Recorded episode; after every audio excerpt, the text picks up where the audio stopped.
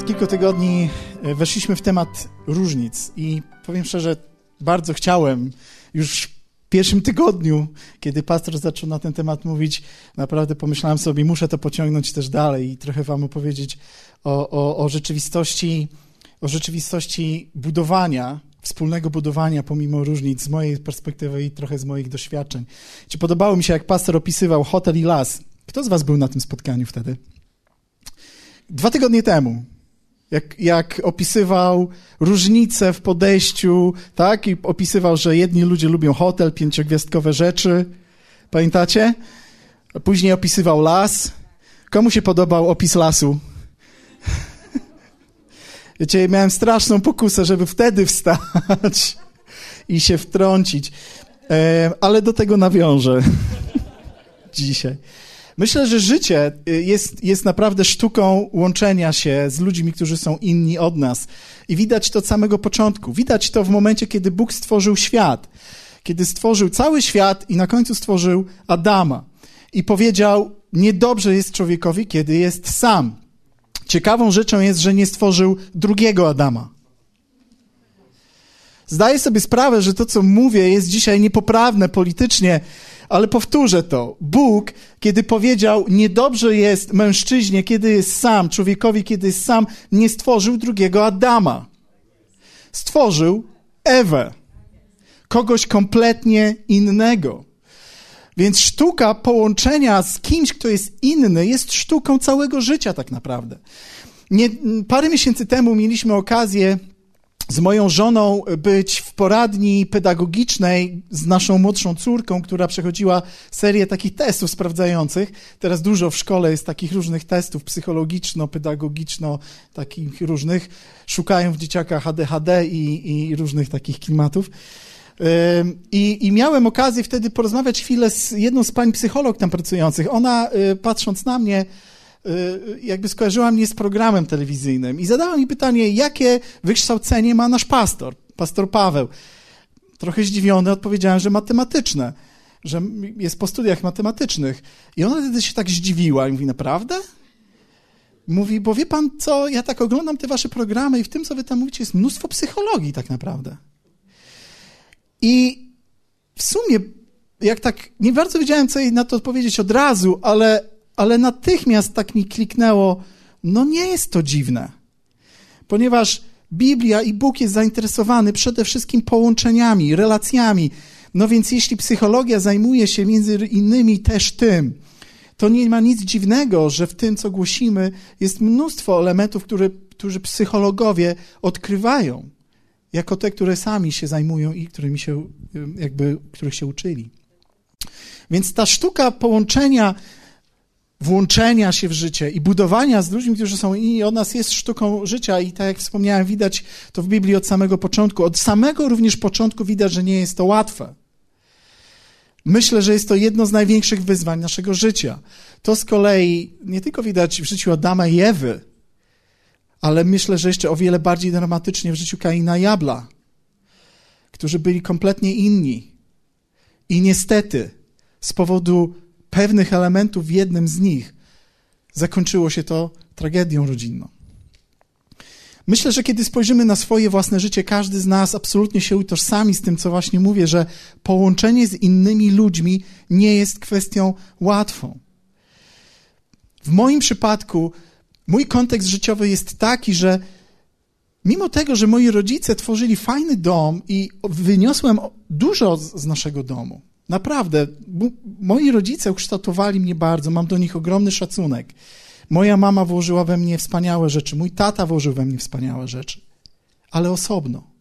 My byliśmy jakby razem, ale muszę wam powiedzieć, że czegoś w tej naszej domowej układance zabrakło, żeby mógł dzisiaj z dumą powiedzieć, że stanowimy, czy stanowiliśmy zgraną rodzinę, taką, w której ja się uczyłem, jak budować razem. Dopiero te, te, elementy tak naprawdę zacząłem się uczyć, kiedy miałem jakieś 15 lat i trafiłem na, y, na, na zbiórkę drużyny harcerskiej. Czyli to była moja szkoła. Problem polega na tym, że tam byliśmy w jednym wieku. Wiecie, o wiele łatwiej, O wiele łatwiej buduje się cokolwiek razem, kiedy chociaż ten jeden element jest wspólny. Jesteś w jednym wieku.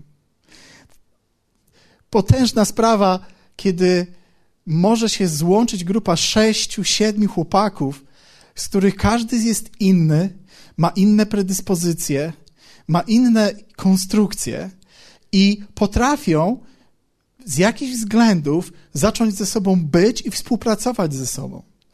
Wiecie, takie naprawdę prozaiczne tematy. Nie wiem, czy kiedyś mieliście okazję rozkładać namiot grupowo. I to nie w ogródku przydomowym, ale gdzieś w polu, po 20-30 kilometrach marszu, kiedy nic nie jest takie samo, z plecakiem ciężkim, kiedy człowiek jest zmęczony, jest o wiele bardziej podatny na, na różne nerwowe odruchy. I kiedy przychodzisz na miejsce, jest was sześciu, siedmiu i macie do rozstawienia dwa namioty i, i trzeba się jakoś podzielić. To są ciekawe doświadczenia.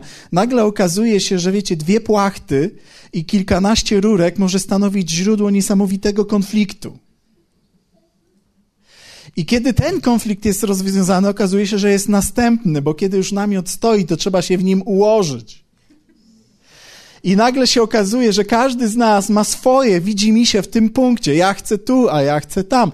Wiecie, nasza pierwsza impreza wspólna zaczęła się właśnie od takich problemów. Kiedy rozstawiliśmy namiot we dwójkę, nagle okazało się, że ten, który nie rozstawiał z nami namiotu, władował się w pierwszy i się położył centralnie w poprzek. Pamiętam, że wszedłem do namiotu, patrzę i mówię, Sujek, co ty robisz? A on zdziwiony na mnie patrzy, no leżę. Mówię, ale chłopie, przecież tu na się ma co najmniej z czterech albo i pięciu zmieścić, a ty się tak położyłeś, że, że tu ja nawet mam, będę miał problem, żeby wejść do tego namiotu. Mówię, no ale co, to, co z tego? Ja przez pierwsze trzy minuty myślałem, że on żartuje. Okazało się, że on nie żartował. Był przyzwyczajony do tego, żeby tak robić. No więc w takich prozaicznych rzeczach wychodzi nasza inność, nasza różność. Niesamowite jest to, że udało nam się w tej grupie nie pozabijać na tym pierwszym etapie. Z trzy lata nam zabrało, zanim się dograliśmy, dotarliśmy ze sobą, ale powiem Wam szczerze, po tych trzech latach nie było na nas mocnych. Później nastąpił okres trzech, czterech lat, która nasza, w czasie których nasza drużyna była znana w całym chówcu, w całym województwie. Myśmy jeździli na, na rajdy, na różnego typu imprezy harcerskie, na nas nie było mocnych.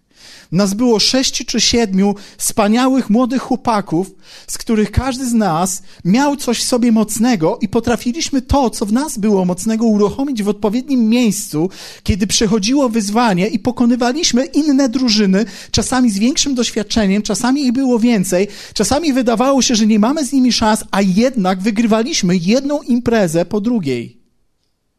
I to było moje doświadczenie, to była moja szkoła łączenia się z, z innymi.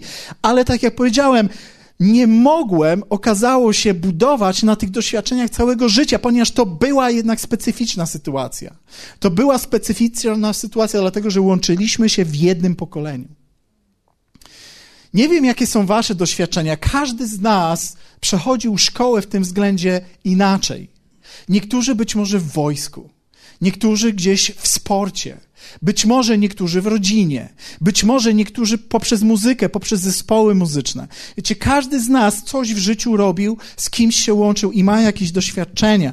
I wiem jedno, że kiedy potrafimy i, i przeżyliśmy chociaż raz w jakimś miejscu tego typu połączenie, zawsze będziemy do tego tęsknić. To jest niesamowite doświadczenie grupy, która ma jeden cel, jedno serce i jeden język. Kiedy spojrzałem na Biblię, to zobaczyłem, że to są takie trzy elementy, którymi Bóg określa grupę, czy też naród, rodzinę, która jest jedno. To są takie trzy elementy: jeden cel, jedno serce i jeden język.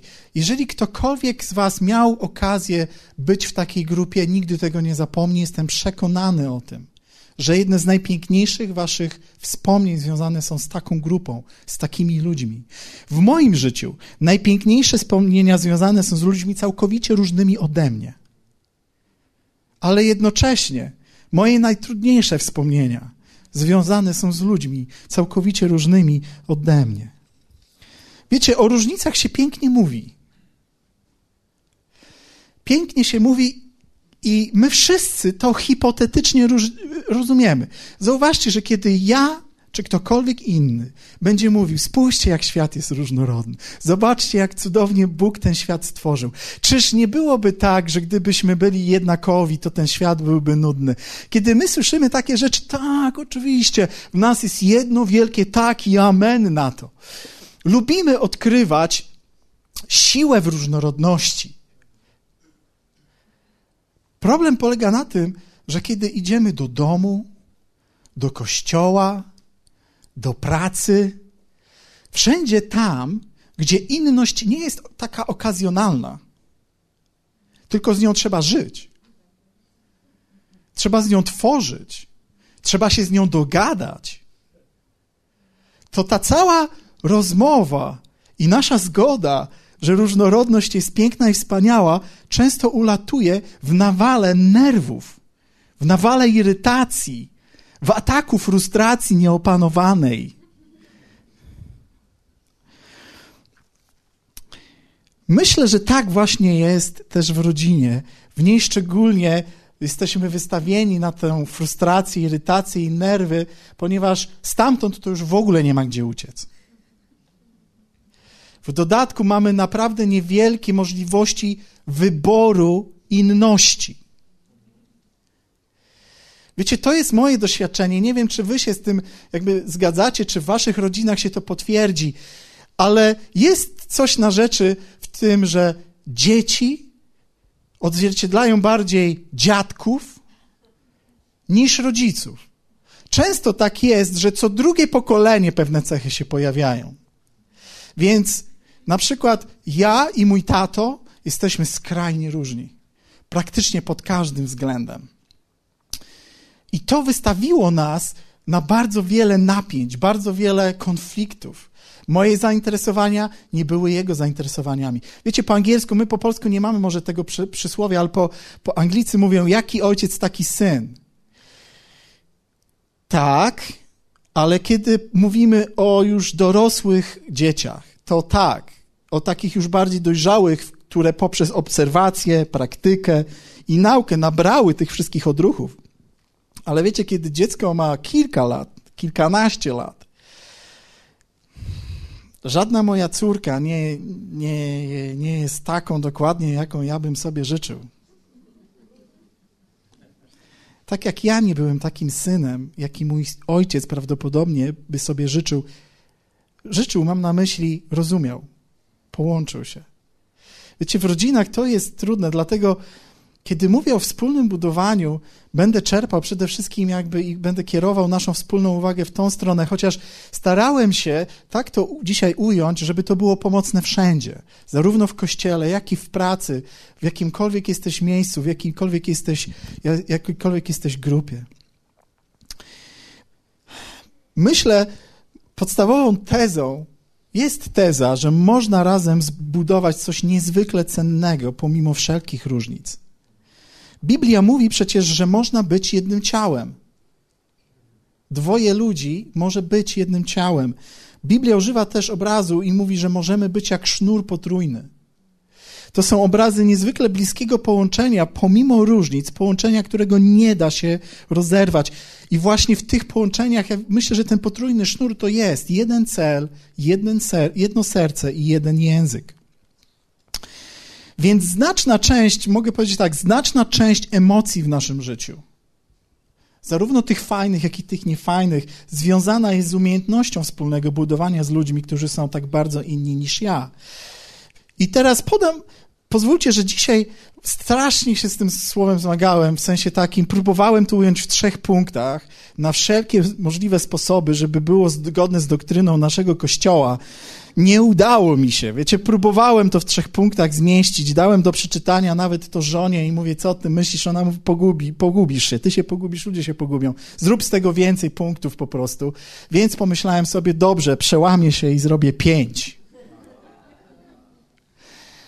Gdyby ktoś mnie zapytał na podstawie moich doświadczeń z mojego rodzinnego domu, z harcerstwa, tu z kościoła, jak i również z naszego domu, który budujemy z moją żoną razem z Beatą, gdybym miał wybrać, gdybym miał wybrać kilka elementów, które myślę, że mogą nam wszystkim pomóc w tym, jak budować wspólnie pomimo różnic, to bym wybrał chyba te pięć elementów dzisiaj.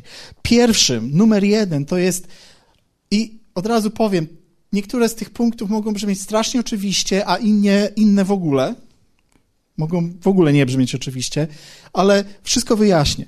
Numer jeden. Odkrywaj i wyjaśniaj siebie. To jest numer jeden. Proponuję zapisać, bo jutro nie będziecie pamiętać. w Twoim życiu Ty jesteś największą zagadką. Kluczem niezbędnym do niemal wszystkiego, co Bóg zaplanował w Twoim życiu. W 1 Koryntian 2,11 jest genialny fragment. Bo któż z ludzi wie, kim jest człowiek, prócz ducha ludzkiego, który w nim jest? Tak samo, kim jest Bóg, nikt nie poznał, tylko Bóg, Duch Boży. Wiecie, ty jesteś największą zagadką swojego życia.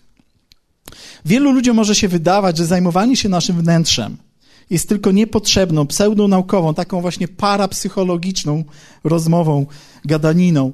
Spotkałem się z chrześcijanami, którzy, którzy w pewien sposób cały ten element odrzucają. Mówią, po co to? Większość z nich to są tacy charyzmatycy, którzy stawiają na przeżycia, na doświadczenia z Duchem Świętym, co samo w sobie nie jest złe. Myślę jednak, że jeżeli ktoś nie chwyci tego elementu, odrzuci go w jakiś sposób, będzie miał problem w życiu. Wiecie, można się z pewnymi zasadami można się nie zgadzać i jest ok, ale musisz przygotować się na konsekwencje niestosowania się do pewnych zasad. Wiecie, to tak jak z dziesięciną. Nikt nie mówi, że nie oddawanie dziesięciny, nie bycie tym, który daje dziesięcinę, skazuje cię na przekleństwo, ale w tym są konsekwencje. Myślę, że dziesięcina jest potężną Bożą zasadą, bez której trudno wejść w pełnię Jego powołania i planu dla nas. Podobnie jest z tym, odkrywaj i wyjaśniaj siebie. Myślę, że potężnym błędem jest lekceważenie tego elementu. Zauważcie, Bóg patrzy na nasze wnętrze i mówi do Niego. To, jak się zachowujemy, co mówimy, zależy od tego, co jest wewnątrz nas. I Bóg przede wszystkim zwraca swoją uwagę właśnie na te rzeczy, na nasze emocje, na nasze intencje, na nasze odczucia, na nasze pragnienia, na nasze niewypowiedziane myśli, na nasze sumienie, na naszą intuicję. Cały ten nasz wewnętrzny, skomplikowany świat, który umieścił w nas, kiedy w nas tchnął. Kiedy spojrzycie na jakiekolwiek stworzenie, musimy przyznać jedną rzecz – nawet jeśli jest to proste, to jest to głębokie. Wiecie, kiedy ja byłem w szkole podstawowej, wydawało się, że świat jest skonstruowany w prosty sposób. Stosunkowo prosty. To znaczy, są atomy i są pierwiastki.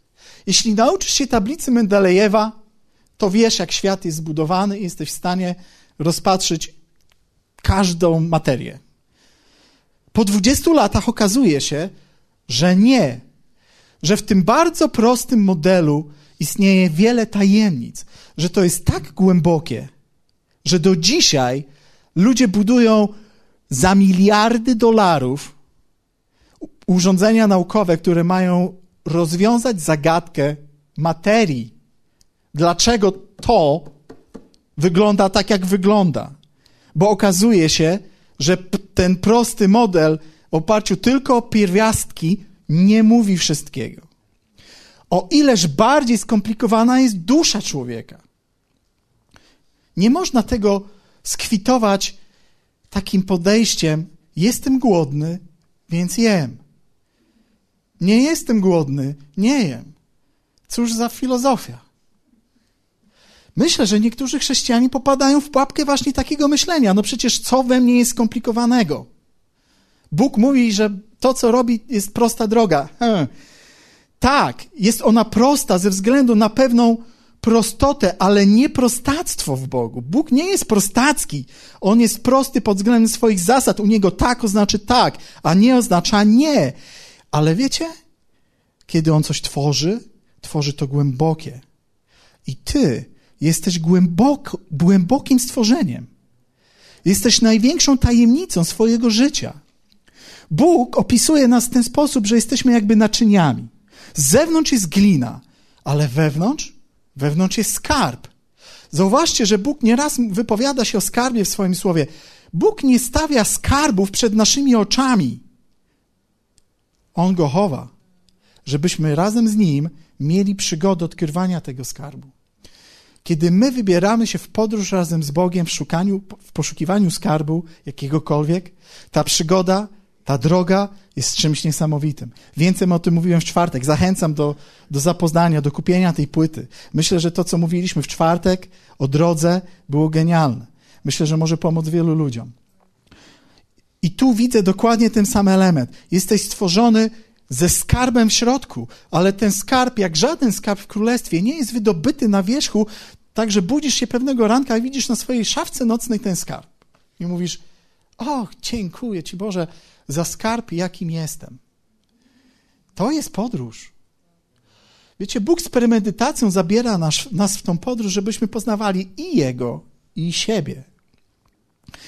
Zauważcie, że Bóg kieruje za każdym razem naszą uwagę właśnie w tą stronę. W każdym wyzwaniu, w każdej sytuacji, właśnie w tą stronę Bóg kieruje naszą uwagę. W stronę tego wewnętrznego świata, w stronę naszej duszy. Bo jak inaczej zinterpretować to, że On prawie każdą rozmowę z człowiekiem zaczyna od pytania. Jeśli sięgniecie do Biblii i spojrzycie na najciekawsze dyskusje pomiędzy Bogiem a człowiekiem, najczęściej zaczyna się od pytania Bożego w stronę człowieka. I teraz powiedzcie mi, jaki sens ma pytanie Boże w stronę Adama, Adamie, gdzie jesteś? Jak wiemy, większość z nas wie, to nie jest absolutnie pytanie dotyczące geografii. Bóg nie miał problemu z naznaczeniem Adama na swoim GPS-ie. To było pytanie kierujące wzrok Adama na jego wnętrze, na jego duszę, na jego serce. To było pytanie, Adamie, jaki jest Twój stan?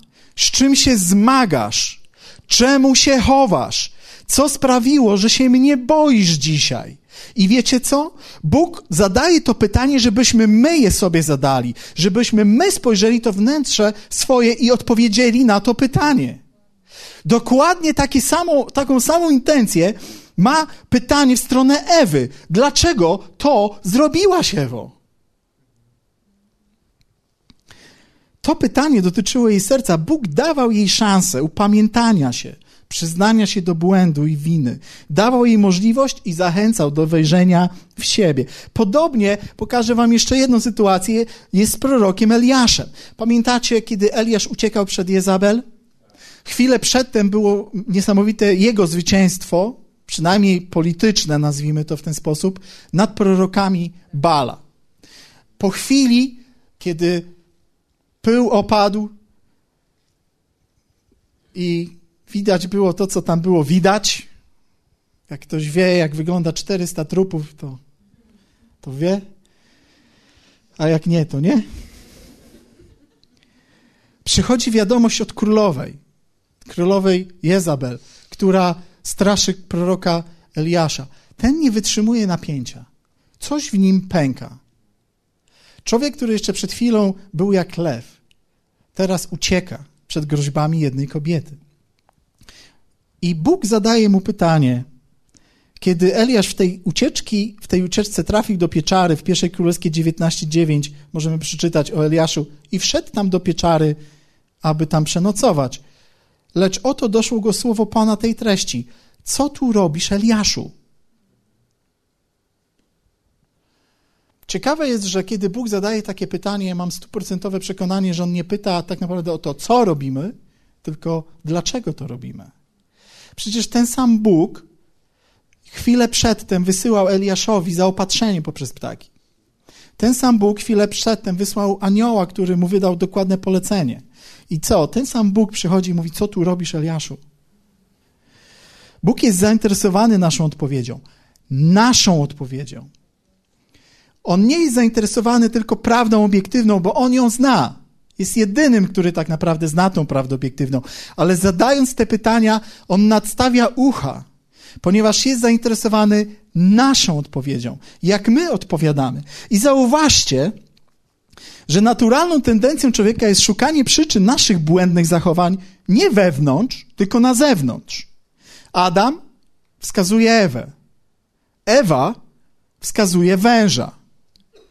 Eliasz pośrednio wskazuje Boga. I to są trzy najczęstsze nasze skierowania palca, kiedy dochodzimy do kryzysu. To jest żona, diabeł, Bóg. Niekoniecznie w tej kolejności. Wiecie, my w rodzinie mamy takie żartobliwe powiedzenie: wszystko to przez Niemców. Stłuku się coś, wszystko przez Niemców jest. Nie wiem skąd się to wzięło, chyba moja, moja córka Ola to przyniosła ze szkoły. Oni chyba tak mają, że dostają jedynkę, to mówi to przez Niemców jest. Ale prawda jest taka, że wielką sztuką jest wejrzenie w siebie i znalezienie prawdziwych, prawidłowych odpowiedzi na temat tego, co nas pcha do robienia danych rzeczy. Naturalnie rzecz biorąc, my jesteśmy ślepi. Bywamy ślepi na samych siebie. Zobaczcie, że Jezus o wiele lepiej rozumiał, co jest we wnętrzu Piotra, niż sam Piotr. Kiedy Piotr, jako mężczyzna, chciał być bohaterem, czy każdy z nas w głowie chce być bohaterem, więc on też chciał być bohaterem. I kiedy na podstawie swojego wyobrażenia jestem bohaterem, on mówił: Panie, z Tobą na śmierć pójdę. Jezus potrafił przebić się przez to wyobrażenie, spojrzeć do jego wnętrza i znaleźć coś, o czym wiedział, że, że, że, że spowoduje inne zachowanie, że, że Piotr nie da rady wytrzymać pewnej presji i że, że w tej presji upadnie. Skąd bierze się ta ślepota? W Jeremiasza 17 możemy przeczytać wersety 9 i 10.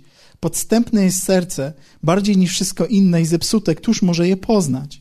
Bóg odpowiada, ja Pan zgłębiam serce, wystawiam na próbę nerki. Zobaczcie, wnętrze, wnętrze.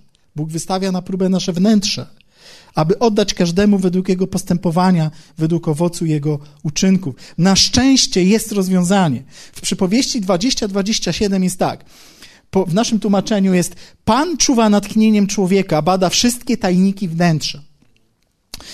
Gdy wejdziemy w oryginał, to ta pierwsza część wersetu lepiej, zdecydowanie lepiej można przetłumaczyć tak. Światło, lub też dosłownie lampa Pana, sprawdza ducha człowieka. Lampa Pana sprawdza ducha człowieka, bada wszystkie tajniki wnętrza.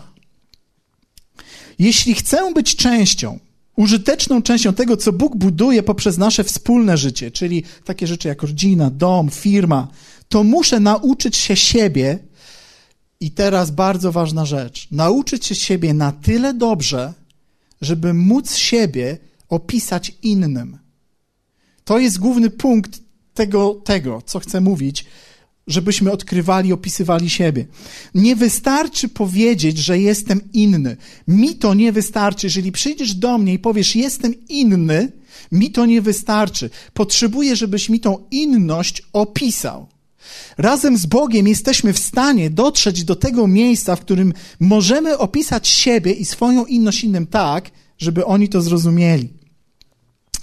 Zrozumienie Dlaczego to jest tak ważne? Ponieważ zrozumienie tego, co stoi za moją innością i z czego wynika ta inność, pomaga innym zbudować szacunek do mojej inności, ponieważ wyjaśnia motyw tego, jaki jestem i jak się zachowuję. Kilka razy już odnosiłem się do, mojego, do naszego konfliktu z Beatą Klim. Myślę, że dzisiaj mogę spokojnie powiedzieć, że jego genezą, genezą tego konfliktu było to, że myśmy nie rozumieli skąd się bierze ta inność między nami. Bardzo podobne przeżycia mam z moją żoną. Wiesz, wierzcie mi, ona jest słodka, ale potrafi czasami zachować się w sposób dla mnie trudny, w sposób, który jest dla mnie nieprzyjemny. Na przykład ostatnio mieliśmy taką sytuację, akurat yy, zaangażowany był to też pastor. Pastor zaproponował Beacie pewną rzecz. Rzucił ją tak, siedząc w fotelu, Beata przychodziła, pastor ją zatrzymał i mówi, a co byś powiedziała na to? I nagle widzę, jak moja żona się usztywnia. I jej odpowiedzi są takie, mają takie coś nieprzyjemnego w sobie. Że to nie, ja widzę już, że to, jest nie, to nie jest moja Beata i to nie jest normalna rozmowa, tylko ona się napięła. Wiecie, jak człowiek jest napięty, to wysyła specyficzny infradźwięk w każdym komunikacie, który ma. Ja nie brałem udziału w tej rozmowie, ale zapytałem ją o to później. Jecha, wracaliśmy tutaj z pracy, z biura do domu i zahaczyłem ją o to. Jaki byłem zdziwiony, jak po 30 sekundach rozmowy ona się popłakała. Mówię, czemu płaczesz? Ona mówi, bo ty mi zawsze zarzucasz, że ja mam jakieś komunikaty nie takie, że jestem jakaś aspołeczna, że jestem nie do ludzi, że, że jakbym ludzi nie lubiła, albo jakbym nie umiała z nimi rozmawiać. Ja mam dość! I, i centralnie płaczę. A ja tylko zapytałem, dlaczego, skąd to napięcie w niej, dlaczego, pytam się, dlaczego ty w takich sytuacjach reagujesz tak, a nie inaczej?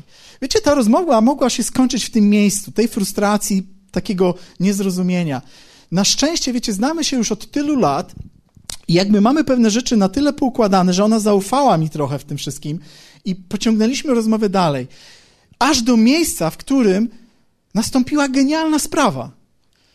Razem z Duchem Świętym udało jej się nazwać tą cechę. Ona mogła powiedzieć, no ja jestem inna i tyle, dajcie mi spokój. Nie zrobiła tego. Doszła do miejsca, w którym powiedziała mi tak. Artur, kiedy ja słyszę propozycję, która zmienia nasze wcześniejsze ustalenia, ja potrzebuję czasu, żeby to przemyśleć. A kiedy czuję, że wymagana jest moja reakcja i moja odpowiedź natychmiast, to się gubię. Wiecie, ona jest świetnym organizatorem. Ona jest takim typowym administratorem.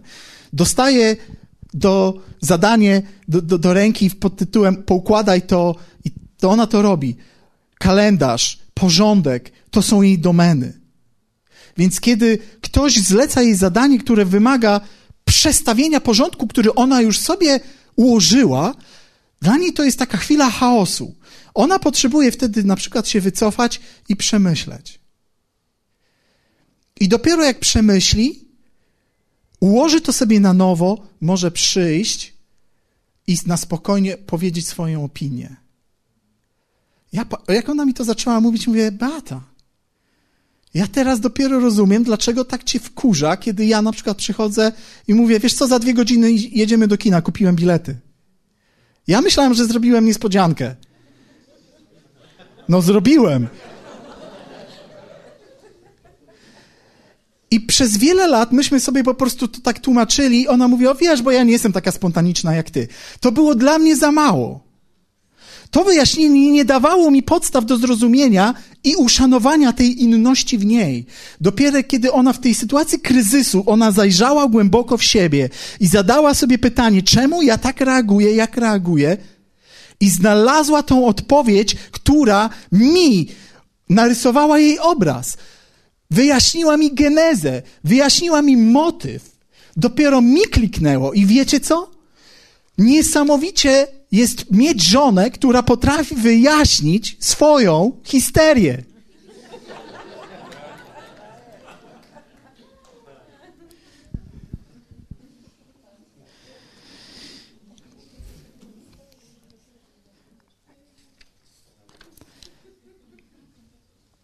Wiecie, to, to było coś, co, co nam w biurze ostatnio bardzo pomaga.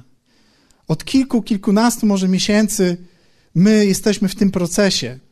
szukania, opisywania siebie, tak, żebyśmy my nawzajem się zrozumieli. Więc numer jeden, bardzo ważny, poświęciłem na to sporo czasu, ale wydaje mi się, że on jest niezwykle istotny, żebyśmy zrozumieli, że żeby budować coś wspólnie, pomimo różnic, każdy z nas jest swoją tajemnicą, więc musisz odkrywać i wyjaśniać siebie. Musisz opisać siebie innym, tak, żeby oni ciebie zrozumieli i przez to zrozumienie mogli uszanować tą inność. Zrozumienie motywu jest naprawdę kluczem. Druga rzecz to jest, nazwałem to tak, nastrój swoje sonary na odbiór. Mógłbym na, po prostu powiedzieć, naucz się słuchać. Ale ponieważ chcę użyć właśnie y, obrazu łodzi podwodnej, pomyślałem, że będzie zabawnie, jak to właśnie określę tak. Nastrój swoje sonary na odbiór.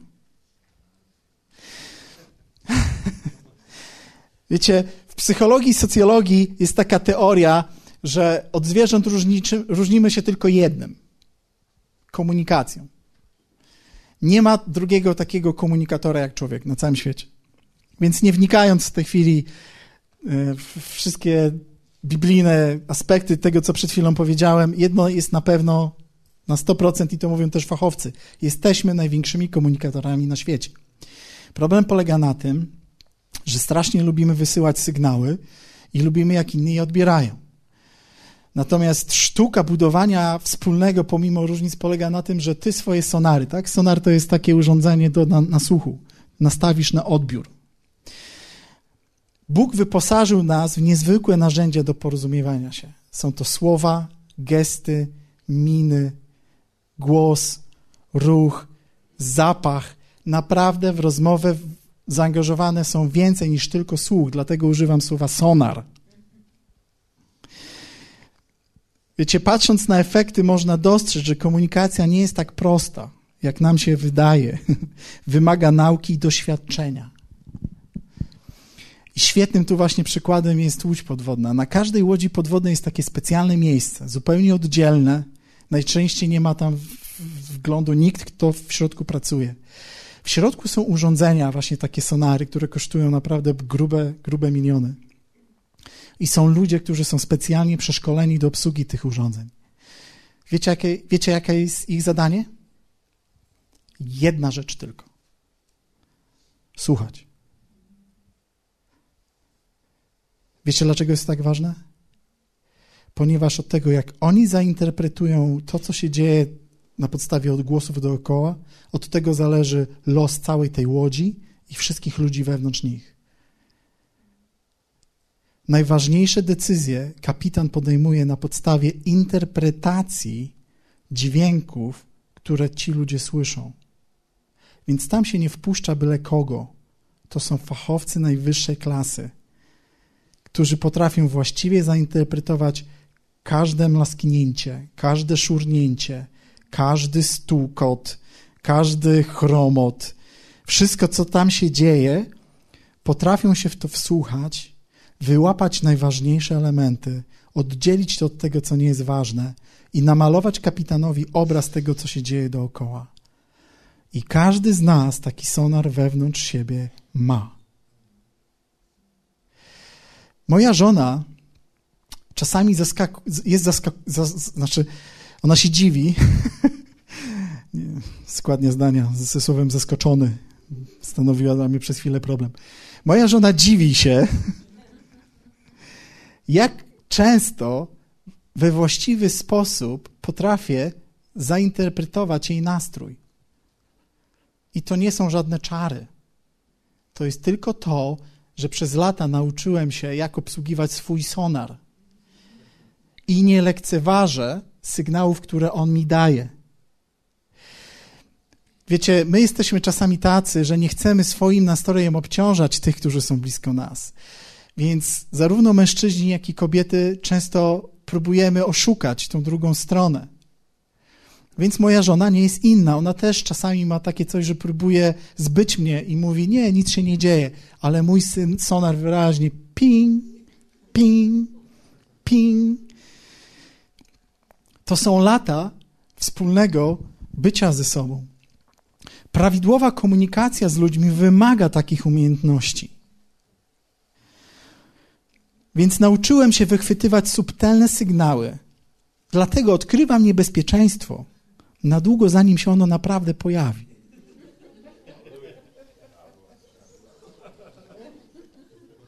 I komunikacja będzie tym lepsza, im czulszym instrumentem się staniesz. Gruboskórność w tym względzie nie pomaga. Wyczulenie nawet na delikatne sygnały jest w bliskich relacjach podstawą.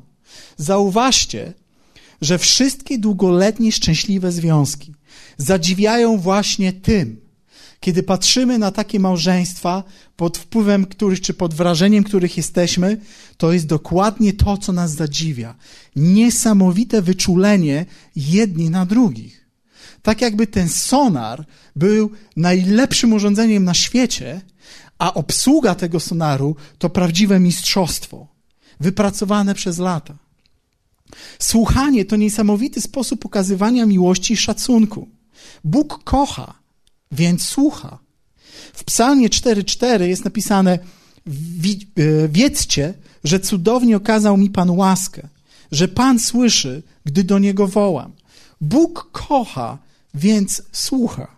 Bóg widzi i prawidłowo odbiera wszystkie nasze komunikaty. W Psalmie 139 jest napisane: Jeszcze bowiem nie ma słowa na języku moim, a ty, panie, już znasz je całe. I możemy powiedzieć: Tak, to on, to on, no bo w końcu ma takie rentgeny w oczach, że przed nim absolutnie nic się nie ukryje. Tak, ale nie zapominaj, że ty jesteś z nim, a on jest z tobą po to, żeby ci pomóc. Ten sonar jest bardzo ściśle połączony według mnie z twoim duchowym rozwojem, z twoją relacją z Bogiem. Bóg nigdy nie sprzeda tobie tajemnic drugiego człowieka, ale żeby mu pomóc, będzie się dzielił z tobą jego odczuciami. Twój sonar będzie działał na zupełnie innym poziomie, kiedy wprowadzisz Boga do, i, i swoją relację z nim właśnie w ten element. Kiedy będziesz rozmawiając ze swoją żoną, pracow, pracownikiem, pracodawcą, dziećmi, kimkolwiek, nadstawiając swój sonar, będziesz umiał uruchomić też to wszystko, co Bóg włożył w ciebie. Ja jestem niesamowicie mojej żonie wdzięczny, że ona robi wielki wysiłek, żeby nastawić swoje sonary na mnie. Wiecie, ja jako mężczyzna wysyłam inne sygnały niż ona.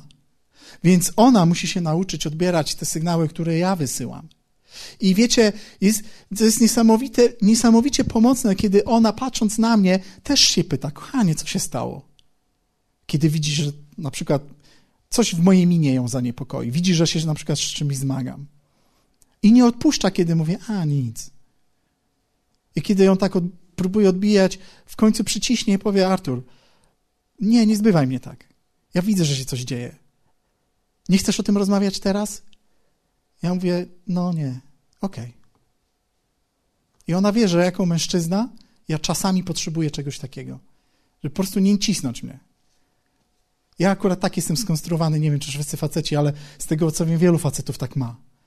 Że kiedy coś przeżywamy, z czymś się zmagamy, nie potrzebuję, żeby mi żona gadała nad duchem. To mi nie pomaga. A ona chce, bo to jest jej sposób funkcjonowania.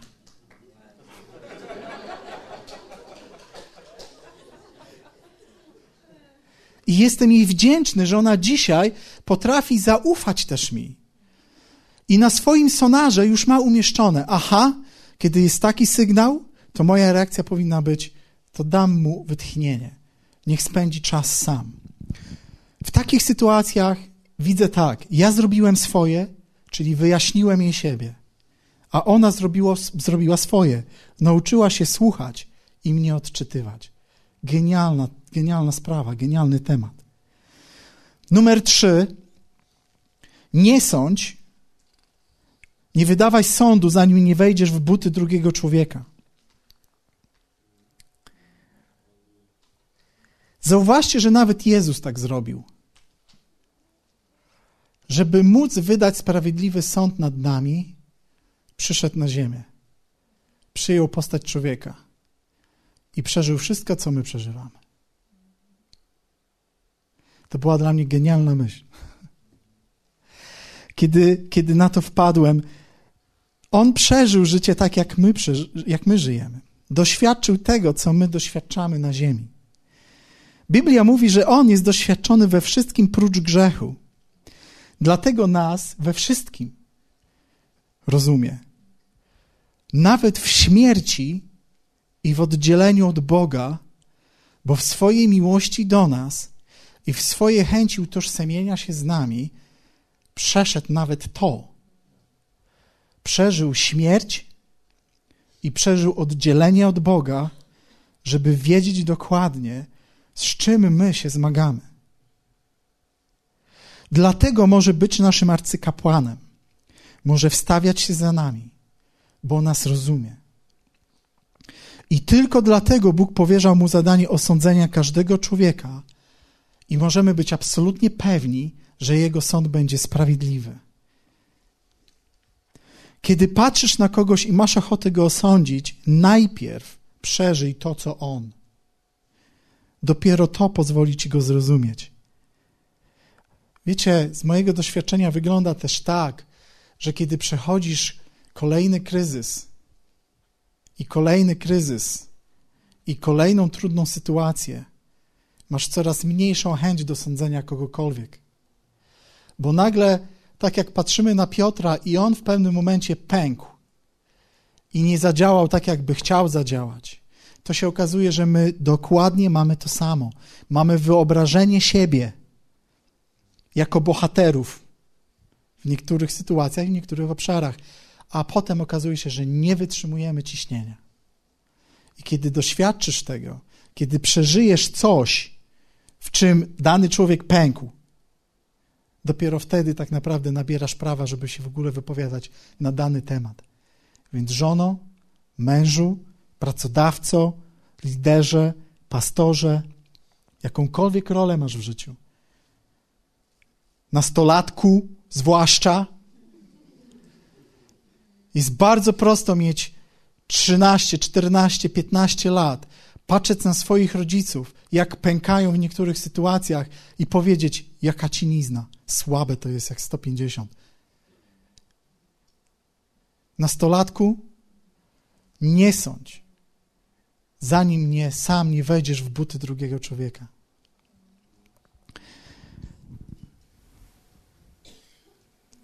Numer cztery. Rozpoznaj granice wytrzymałości innych ludzi, swoje też. Wiecie, każdy z nas ma pewne granice. Największą moją jakby taką wagę, jakby moją uwagę znowu składnia. Jak to powiedzieć? Która granica skupiła moją uwagę najbardziej? Granica ryzyka i bezpieczeństwa. Ktoś powiedział, że zanim wypłyniesz na szerokie wody, musisz sprawdzić wytrzymałość swojej łódki. To jest bardzo mądra zasada właściwie w każdym elemencie życia. I coś takiego istnieje też w relacjach. Coś takiego istnieje, kiedy chcemy budować coś ze sobą, czy to w domu, czy w kościele, czy w szkole, czy, czy na studiach, czy, czy w pracy. Zanim wypłyniesz na szerokie wody, musisz rozpoznać wytrzymałość łodzi, w której jesteś. Cie każdy z nas, w zależności od wieku, płci, predyspozycji, doświadczeń, przeróżnych rzeczy, całej tej bogatej materii, która jest wewnątrz nas, ma różne granice wytrzymałości, ma różne granice bezpieczeństwa, poczucia bezpieczeństwa na różne sytuacje. Na przykład muszę wam powiedzieć, że to było ogromne, ogromne wyzwanie dla mnie jako dla ojca. Właśnie rozpoznanie i uczenie się, cały czas się tego uczę ponieważ, tak jak Wam wspomniałem, moje doświadczenia budowania wspólnego opierają się głównie na grupie rówieśniczej. Więc ja mam cały czas taką podświadomą tendencję do traktowania moich dzieci tak, jakby byli moimi, były moimi rówieśnikami. Mam tendencję obciążania ich ponad stan ich możliwości i denerwuję się, kiedy pękają. A jest ważne, żeby rozpoznać, że dany człowiek, że dany człowiek w danej sytuacji pęka szybciej. I trzeba to umieć i rozpoznać, i uszanować. Jednym z przykładów, które mogę Wam podać, to jest na przykład pływanie na żeglówce. Ja największą frajdę w pływaniu na żeglówce mam w przechyłach. Czyli wtedy, kiedy wiatr jest silny, można wziąć kurs na wiatr, wtedy łódka płynie szybciej, i wyostrzyć tą łódkę tak, rzek, tak to się mówi, kabestany się moczą, czyli burta, to co jest na burcie, tej, która się tak przechyla, nabie, zaczyna nabierać wody. Czujesz wtedy całą siłę i pęd tej łódki, ponieważ płyniesz pod wiatr, włosy masz z tyłu, żagle są tak napięte, wszystkie liny po prostu aż trzeszczą. Trzeba całej siły swojej użyć, żeby to wyciągnąć. Kiedy trzymasz ster, musisz się zaprzeć nogami, żeby ten ster był tak jak chcesz, ponieważ napór wody jest tak silny. I w pewnym momencie następuje taki dodatkowy jeszcze podmuch i tak, u, ta, już jesteście tak przechyleni, że stoisz normalnie, patrzysz tylko, czy nie wypadł i nagle jeszcze dodatkowy podmuch wiatru i tak, o, i wszyscy a, robią i udało się i płyniemy dalej. To jest coś, co w pływaniu żaglówkami ja lubię najbardziej. Moja żona odpada Moja żona to trochę jak mój tata. Pływanie turystyczne. Łódeczka sobie płynie, żagle, takie na lekkim takim zwisie. Nic się nie napina, nic cię nie wyrzuca. Możesz spokojnie się wsłuchać w świergolot ptaków, świergotanie czy coś tam. No, jak ptak leci i świergoli, to jest świergolot.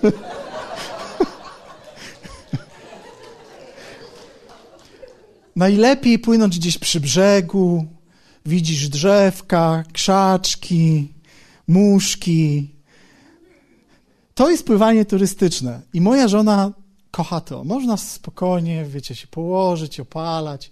Przy pływaniu takim regatowym, o którym ja mówię, nie ma nic z tych rzeczy. Nie słyszysz świergolotu, nie masz najmniejszych szans się opalać.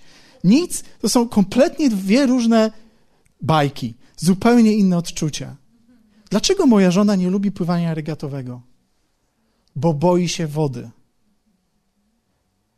I teraz, jeśli ja będę zmuszał ją do tego, co ja lubię, kosztem jej stresu, to jej nie kocham.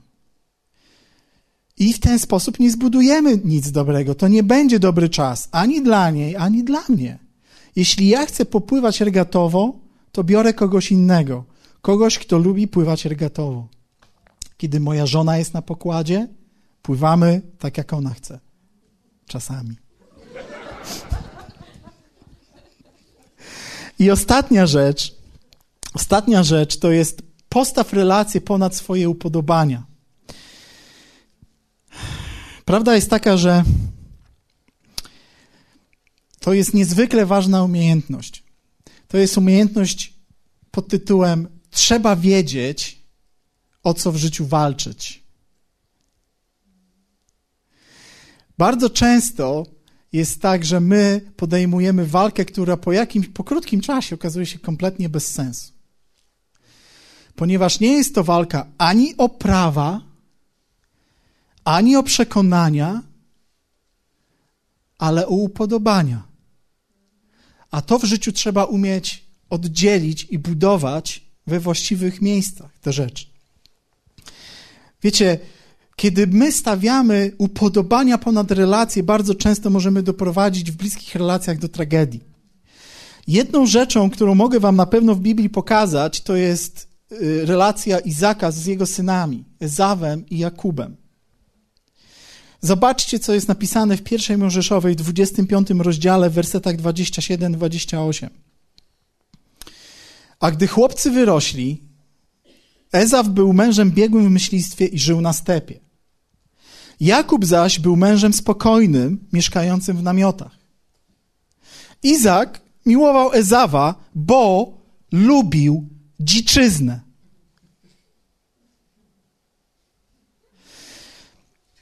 Wiecie, to brzmi śmiesznie, ale co wam powiem tak. Izak lubił sportowca. Nie lubił domatora. Jeśli tak to ubierzemy, to aż tak śmieszne nie jest. Nie wiem, czy wy w waszych rodzinach doświadczyliście tego typu zniszczenia i bólu, który wynikał z bardzo prostej rzeczy. że ktoś w tej rodzinie postawił upodobania ponad relacje. Jeśli ktokolwiek z Was tego doświadczył, nigdy nie będzie się z tego śmiał, ponieważ to nie jest śmieszne w ogóle.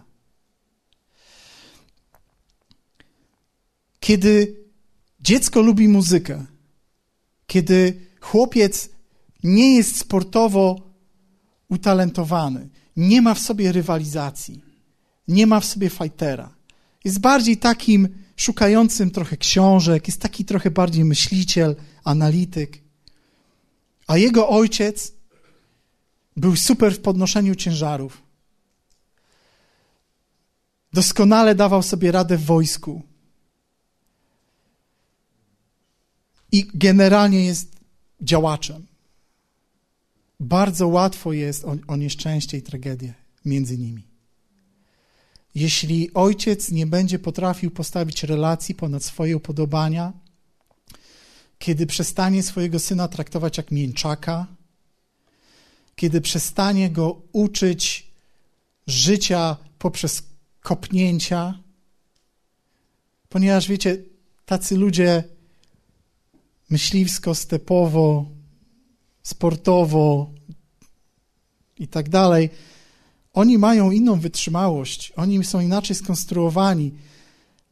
Kiedy ty ich pokonasz w czymś, oni chcą dalej walczyć.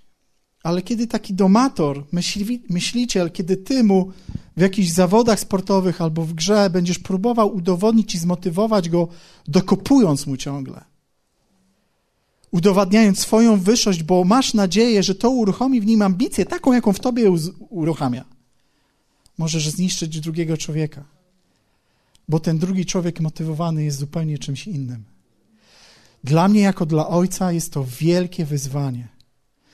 Jak budować moją relację ze wszystkimi moimi trzema dziewczynami, z żoną i dwiema córkami, ponad moimi upodobaniami. Trzeba naprawdę mądrości, by wybierać momenty walki. Bo wiele tych walk to kwestia co najwyżej upodobań, a wtedy nie warto. Warto jest być człowiekiem wyrozumiałym, pełnym cierpliwości i szacunku. I rozumieć, że ja nie jestem normą. Ja nie jestem normą. To nie ja wyznaczam normę we wszystkich miejscach. Kiedy pozwalam sobie przyjąć tą prawdę, że nie jestem normą, zaczynam być gotowy do tego, żeby budować coś wspólnie, razem, pomimo różnic. Powstańmy.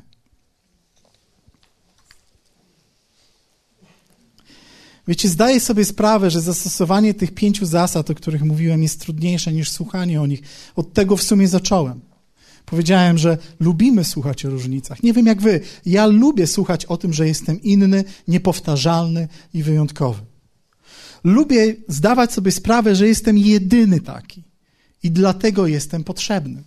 Lubię odkrywać, że wiele rzeczy robię po swojemu, w swój specyficzny sposób, zwłaszcza wtedy, kiedy to się komuś innemu przydaje, kiedy moja wewnętrzna konstrukcja, to kim jestem, komuś się przydaje. Lubię to, ale nie chodzi o to, żeby słuchać. Myślę, że chodzi o to, aby wykorzystać to, aby każdy z nas w swoim domu świadomie podjął decyzję, że chce poddać się Bożemu prowadzeniu i uwierzyć, że nie tylko moja inność ma sens, ale każda inna, jeśli jest poddana odkupieniu. To jest wielkie dzieło odkupienia Jezusa w nas. I wiecie, ja chcę budować taki dom, chcę być częścią takiego domu. Marzy mi się. Jesteśmy w drodze.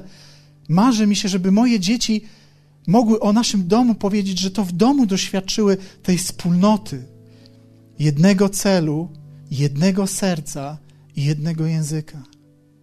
I marzy mi się taki kościół. I każdemu biznesmenowi życzę, żeby taką firmę potrafił budować. Gdziekolwiek jesteśmy wystawieni na budowanie, na, na robienie rzeczy, współpracy z innymi, na bycie i życie z innymi. Myślę, że każdy z nas ma takie pragnienie. Każdy z nas ma takie w środku marzenie. Być może są wśród nas tacy, którzy nigdy nie doświadczyli tego. Masz tylko groną tęsknotę. Chcę Ci powiedzieć, że Bóg ma dla Ciebie. Bóg ma dla Ciebie miejsce, Bóg ma dla Ciebie ludzi, Bóg ma dla Ciebie drogę, na której przygotuje Ciebie na spotkanie tego miejsca i tych ludzi. I mam nadzieję, że uda nam się też razem stworzyć atmosferę, atmosferę, w której doświadczymy, że mamy jeden cel, jedno serce i jeden język. Halleluja. Oddajmy to też Bogu w naszych sercach. Uwielbiamy Ciebie, Ojcze. Dziękujemy Ci za drogę, którą masz dla nas. Dziękujemy Ci za to potężne słowo, które przekazujesz nam. Tydzień po tygodniu, dzień po dniu które kształtuje nasze serca, nasze dusze. Dziękuję Ci za tą dojrzałość, której doświadczamy w Twoim królestwie. Dziękujemy Ci, że możemy stawać się prawdziwymi mężczyznami, prawdziwymi kobietami, że w tej prawdziwości możemy łączyć się w naszych rodzinach, w naszych służbach, w naszych kościołach. Uwielbiam Ciebie za tą potężną siłę, która jest uwalniana, kiedy bracia w zgodzie mieszkają. Dziękuję Ci, Ojcze, że taki kościół możemy tu budować w tym miejscu, że każda rodzina, każdy rodzic może od Ciebie uczyć się, jak w swoim domu, w swojej rodzinie budować połączenie, jak budować, uruchomić potężną moc budowania, pomimo i wbrew wszelkim różnicom i wszelkim przeszkodom. Halleluja! Wiemy, że jesteś Bogiem budowania. Wiemy, że jesteś Bogiem rozwoju.